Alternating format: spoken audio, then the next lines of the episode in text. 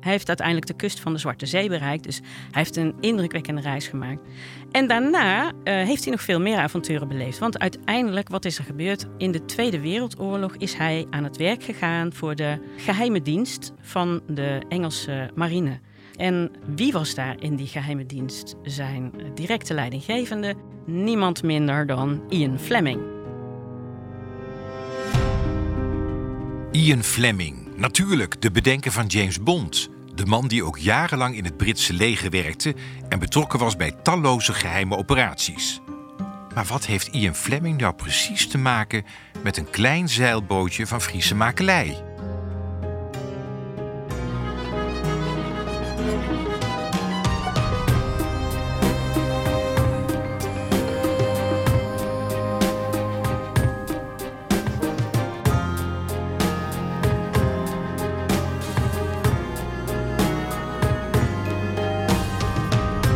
Je luistert naar Topstukken, de podcast over de mooiste kunst en cultuur van Nederland. Mijn naam is Albert Verlinde. In elke aflevering praat ik met een expert van een museum of een andere culturele instelling in Nederland en stel ik de vraag: wat is jouw persoonlijke topstuk?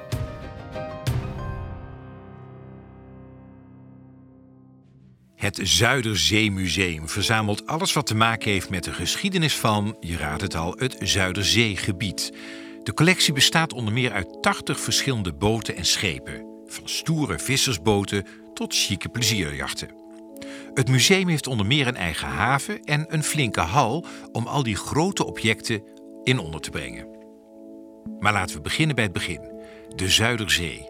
Wat verstaan we daar precies onder? Nou, ik ben uh, Hilde Kammel en ik ben conservator in het Zuiderzeemuseum. Nou ja, Zuiderzee is in feite het IJsselmeer totdat de afsluitdijk er kwam. Het was een open zee en uh, daar werd uh, flink op gevist.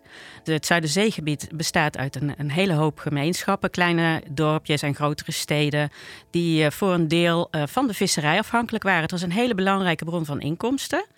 En in die gemeenschappen was ook, ja, waren ook de ambachten belangrijk die te maken hadden met visserij. Dus scheepsbouw, touwslagerijen, kuiperijen, maar ook visverwerking. Dus heel veel mensen kregen hun inkomen uit de visserij. En toen de afsluitdijk ontstond, toen de afsluitdijk werd aangelegd, toen is die visserij is eigenlijk grotendeels verdwenen. Nou, daar hebben we de Zuiderzee een beetje geduid. Wat heb jij voor topstuk meegenomen? Nou, mijn topstuk is een bootje. Dat uh, is niet zo verwonderlijk. een bootje. een bootje. Een mooi klein houten bootje en het heet de Sperwer. Um, het is een zogenaamde boeier. Dat is een type boot. En die is gebouwd in 1886 in Friesland op een werf in Jouren. En ik heb daarvoor gekozen omdat het uh, uh, een heel mooi voorbeeld is van de kwaliteit van de scheepsbouw. Waar wij natuurlijk in Nederland uh, al heel lang heel goed in zijn. En dat is hier een heel mooi voorbeeld van. Het is een heel knap gebouwd bootje. Het was ook niet alleen heel mooi, maar ook functioneel. Het was een hele snelle zeiler. Ze was echt bedoeld om, om, om zeilwedstrijden mee te varen. En degene die hem gebouwd heeft, Eeltje Holtrop van der Zee, wordt beschouwd als een van de uh, ja, meest befaamde uh, scheepsbouwers in zijn periode, zeg maar de tweede helft van de 19e eeuw. En dit bootje heeft in de loop van zijn bestaan eigenlijk uh, een paar hele bijzondere ja, zaken meegemaakt, verhalen. En we zijn gek op verhalen in het museum, dus dit bootje heeft ook een heel mooi verhaal. Top. Omschrijf eens hoe het bootje eruit ziet. Uh, nou ja, wat ik zei, het is een uh, heel mooi houten bootje. Het is niet zo heel erg groot, het is 8,5 meter lang. En het heeft ook maar één mast. Het is redelijk eenvoudig. Opvallend is dat het uh, een hele mooie ronde vorm heeft. Dus de voor- en de achtersteven zijn echt mooi rond gebouwd. En ook de bovenrand van de romp is, dat is het, het boeisel, dat, dat buigt heel mooi naar binnen toe. Dus het krijgt een hele elegante vorm. Maar tegelijkertijd is het ook zo goed gebouwd dat het een hele snelle zeiler is. En het is de combinatie van ja, artistieke afwerking, waar Eeltje van der Zee heel goed in was. Maar tegelijkertijd ook de functionaliteit, het hele harde zeilen. Dat is gewoon een, uh, ja, een heel succesvol bootje geworden. En een boeier, zoals de Sperwer, mijn topstuk. Een boeier was wel een heel speciaal bootje, wat... Uh, ja, wat extra aandacht kreeg. Uh, omdat het, het was eigenlijk ook wel een luxe uh, bootje. Ja, sowieso voor wedstrijden. Dus het was al, je moest al iets hebben om, om te zeggen: ik kan permitteren een bootje te kopen puur om wedstrijden mee te doen. Precies, dat was niet voor uh, de gewone burger. Dat was echt voor de meer welgestelde uh, families. Het was dan ook echt een statussymbool als je zo'n bootje had. En Eeltje was ook niet alleen maar een hele goede functionele botenbouwer, maar hij, had ook, hij was ook artistiek heel begaafd. En hij heeft dat bootje ook heel mooi versierd met houtsnijwerk, met mooie koperen details en met beschildering. Dus ja, het is echt een heel prachtig voorwerp. Een prachtig voorwerp waar uiteraard ook een stevig prijskaartje aan hing. In de oorspronkelijke koopakte uit 1886 staat dat de sperwer 4800 gulden kostte, inclusief twee set zeilen en een kachel. Als je dat zou omrekenen naar nu, dan kom je uit op meer dan 70.000 euro. En uiteindelijk is er wel een heel mooi verhaal ook over uh, dit bootje te vertellen. Want het heeft niet alleen maar een zeilwedstrijd meegedaan, maar het heeft ook een hele lange reis gemaakt, dwars door Europa heen. En dat was eigenlijk wel een heel spectaculaire uh, geschiedenis. Maar hoe, hoe zit dat dan? Hoe gaat dit bootje uit Friesland Europa door? Nou, uiteindelijk is het uh, in Engeland terechtgekomen. En ehm, het is niet helemaal duidelijk waarom en hoe. Maar het is in Engeland in de jaren 20 uh, is het uh, gekocht en uiteindelijk weer te koop gekomen. En toen is het uh, in 1931 is het bootje aangekocht door een beetje excentrieke Engelsman. En zijn naam was Merlin Minshall. En hij is met dat bootje op reis gegaan. Hij was pas getrouwd en hij dacht dat het wel een goed idee was om een leuke huwelijksreis, een avontuurlijke huwelijksreis te organiseren. Hij kwam natuurlijk ook uit een welgestelde familie, want anders kon je dat je echt niet permitteren. Maar samen met zijn vrouw hadden ze bedacht, nou weet je wat we gaan doen? We gaan een trektocht door uh, Europa maken met een, uh, een bootje. En hij wist eigenlijk al toen hij dat plan maakte dat hij een Nederlandse boeier moest hebben, omdat zo'n bootje voldeed aan alles wat hij nodig had om die reis te maken. En hij was echt helemaal verrukt. Hij was zo blij dat hij deze sperwer had gevonden. Hij was er echt helemaal blij mee. En ehm, ja, het leuke is dat hij ook geschreven heeft over zijn, uh, over zijn reis. Dus na afloop heeft hij een reisverslag gemaakt. En dat is, gelukkig is dat ooit uh, gepubliceerd in uh, National Geographic in 1937. Dus we weten precies welke reis hij gemaakt heeft, wat hij onderweg allemaal meegemaakt heeft. En ehm, ja, wat voor bijzonderheden daar gebeurd zijn. Oh, lees een stukje voor. Nou, hij was dus echt op zoek naar een uh, Nederlandse boeier. En toen hij de sperwer gevonden had, was hij echt super blij. En hij schrijft in zijn uh, verslag: Een Nederlandse boeier is in meerdere opzichten opmerkelijk. Het is een zeer snelle zeiler en kan zeer scherp aan de wind varen. Hij heeft een geringe diepgang en de accommodatie is enorm dat moet ik, dan moet ik dan wel zeggen, daar moet ik dan een beetje om lachen. De accommodatie is enorm. Een bootje van 8,5 meter, dat kan nooit veel meer geweest zijn dan een paar vierkante meter. Ja, maar het is een huwelijksreis. Maar hij vond het, het is een huwelijksreis. Ja. Hij lekker boven op elkaar. hij had ze altijd niet veel nodig, blijkbaar. Nee, inderdaad.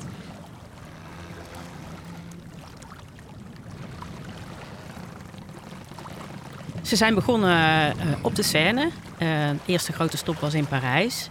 En uh, vanuit Parijs zijn ze uh, over de Marne naar Duitsland gevaren. En uh, daar komen ze via de Rijn komen ze op de Main terecht. En dan langs Nuremberg, daar zijn ze, hebben ze een stop gemaakt. Dat was wel spectaculair ook, want dat was in de jaren 30. In 1933 zijn ze daar op het moment dat daar een, een van de nazi, grote nazi-bijeenkomsten is. Dus ja, maar daar hield Hitler alle grote bijeenkomsten in Precies. Nuremberg. En zij zijn daar dan op dat moment in Nuremberg in uh, september 1933. En hij maakt daar een opmerking over. Dus hij is ook wel getuige geweest van bijzondere momenten in de geschiedenis. Uiteindelijk duurt de reis met de sperwer vier jaar. Via de grote rivieren gaat de tocht steeds dieper Europa in. Nu was die oersterke sperwer prima bestand tegen zo'n lange vaartocht. Maar dat gold helaas niet voor het kerstverse huwelijk. Het huwelijk heeft het niet gered, laat ik dat ook even vertellen. Toch te dicht op elkaar gezet. Ja, ik weet niet wat het was, maar uh, het gedoe, het afzien. Het was natuurlijk toch ook best wel een beetje afzien, want er waren echt nul voorzieningen. Nee. Er waren geen jachthavens. Die vrouw dacht, is mooi, ik heb met en jou een paar had helemaal genoeg boot. van hem. Ze had helemaal genoeg van hem. En ze is uh, halverwege afgetaaid. Serieus? toen ze in Wenen terechtkwamen, toen had ze er genoeg van en toen is ze terug naar huis gegaan. En hij is alleen doorgegaan en is uiteindelijk, hij, heeft, hij heeft uiteindelijk de kust van de Zwarte Zee bereikt. Dus hij heeft een indrukwekkende, echt een indrukwekkende reis gemaakt. En daarna heeft hij nog veel meer avonturen beleefd. Want uiteindelijk, wat is er gebeurd? In de Tweede Wereldoorlog is hij aan het werk gegaan voor de uh, geheime dienst van de Engelse marine. En wie was daar in die geheime dienst? Zijn directe leidinggevende? Niemand minder dan Ian Fleming. Hoe de geestelijk vader van James Bond. Inderdaad.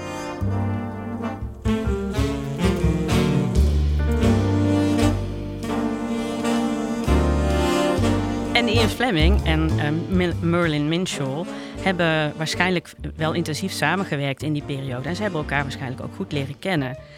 En uh, Ian Fleming is natuurlijk in de jaren 50 begonnen met uh, boeken over James Bond.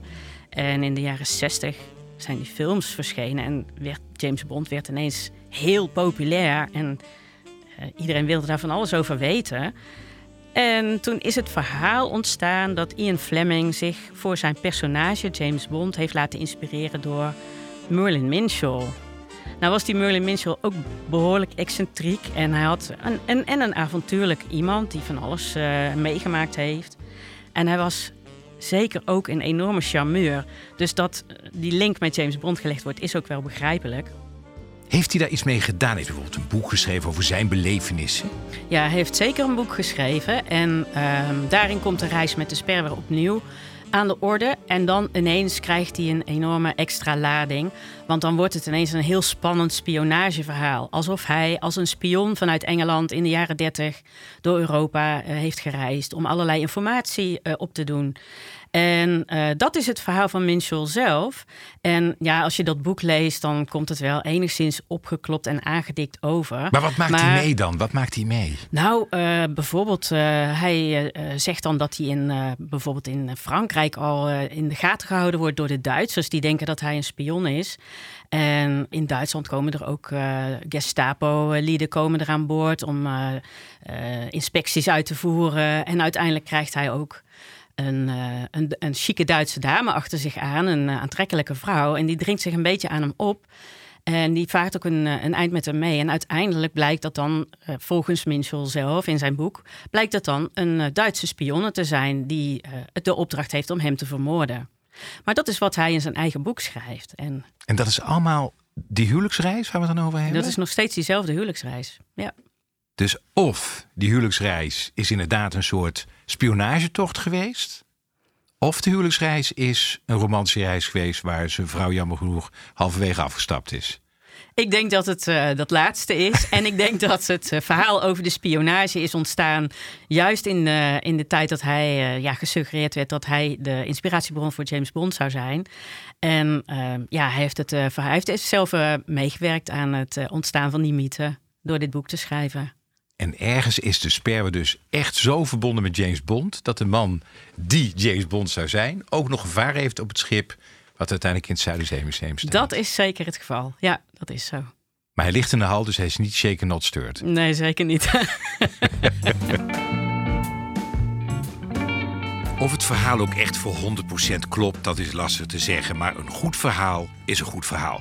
En dat hierin een rol is weggelegd voor dat kleine zeilschip uit Friesland, dat blijft bijzonder. Op de werf van Eelte Holtrop van de Zee zijn in totaal zo'n duizend boten gebouwd. En dat één daarvan gekocht zou worden door een spion en een avontuurlijk leven zou gaan leiden, dat had Eelte natuurlijk nooit kunnen bedenken. Vier jaar lang voer Merlin Minchel door Europa en uiteindelijk kwam hij dus terecht bij de Zwarte Zee. Maar op dat moment was hij er slecht aan toe. Hij had malaria en was compleet uitgeput. De lange reis had ook bij de sperwer zijn sporen achtergelaten. Nou, de sperwer was er toen ook slecht aan toe. Die had natuurlijk toch ook wel wat geleden onder al dat uh, heen en weer gereisd. Dus uh, die is uiteindelijk op een vrachtschip gezet en van daaruit naar Antwerpen gegaan. En daar is ze in handen gekomen van twee zeer goedwillende Belgen die er ook heel ja, zorgvuldig mee omgegaan zijn. Hebben haar weer helemaal in, zo goed mogelijk in de originele staat teruggebracht. En flink opgeknapt en heel mooi gerestaureerd. En uiteindelijk is ze dus echt eh, heel goed behouden gebleven. Mhm. En eh, ze hebben er ook nog een aantal jaren mee gevaren. En in 1949 moest eh, het scheepje weer verkocht worden. Ze konden het niet langer onderhouden. En toen is het op de veiling gekomen. En toen heeft het Zuiderzeemuseum haar gekocht. De sperwer is geland en blijft gewoon eens even lekker waar die zit. Ja, en het is denk ik ook wel heel gaaf om eh, in die schepenhal... Je kunt er omheen lopen. De schepenhal is het hele jaar door eh, open. Dus eh, het, het, het bootje is voor iedereen te zien op el- elke dag. En je kunt in de schepenhal kun je er mooi omheen lopen. Je kunt er van dichtbij kun je het bekijken. Er is ook een balustrade, dus je kunt het ook van bovenaf heel mooi zien. Je kunt echt ervan genieten. Dus ik hoop dat heel veel mensen er nog van zullen gaan genieten. Je luisterde naar Hilde Kamel van het Zuiderzeemuseum. En dit was Topstukken, aangeboden door de Vriendenloterij, de cultuurloterij van Nederland.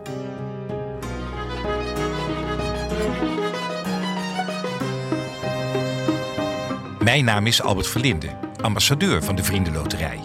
Ik ben er trots op dat wij cultuur steunen in heel Nederland, dankzij onze deelnemers. En als je meespeelt in de Vriendenloterij, ontvang je een VIP-kaart waarmee je korting krijgt op de leukste uitjes en gratis ruim 125 musea kunt bezoeken. Dus ook het Zuiderzeemuseum in Enkhuizen.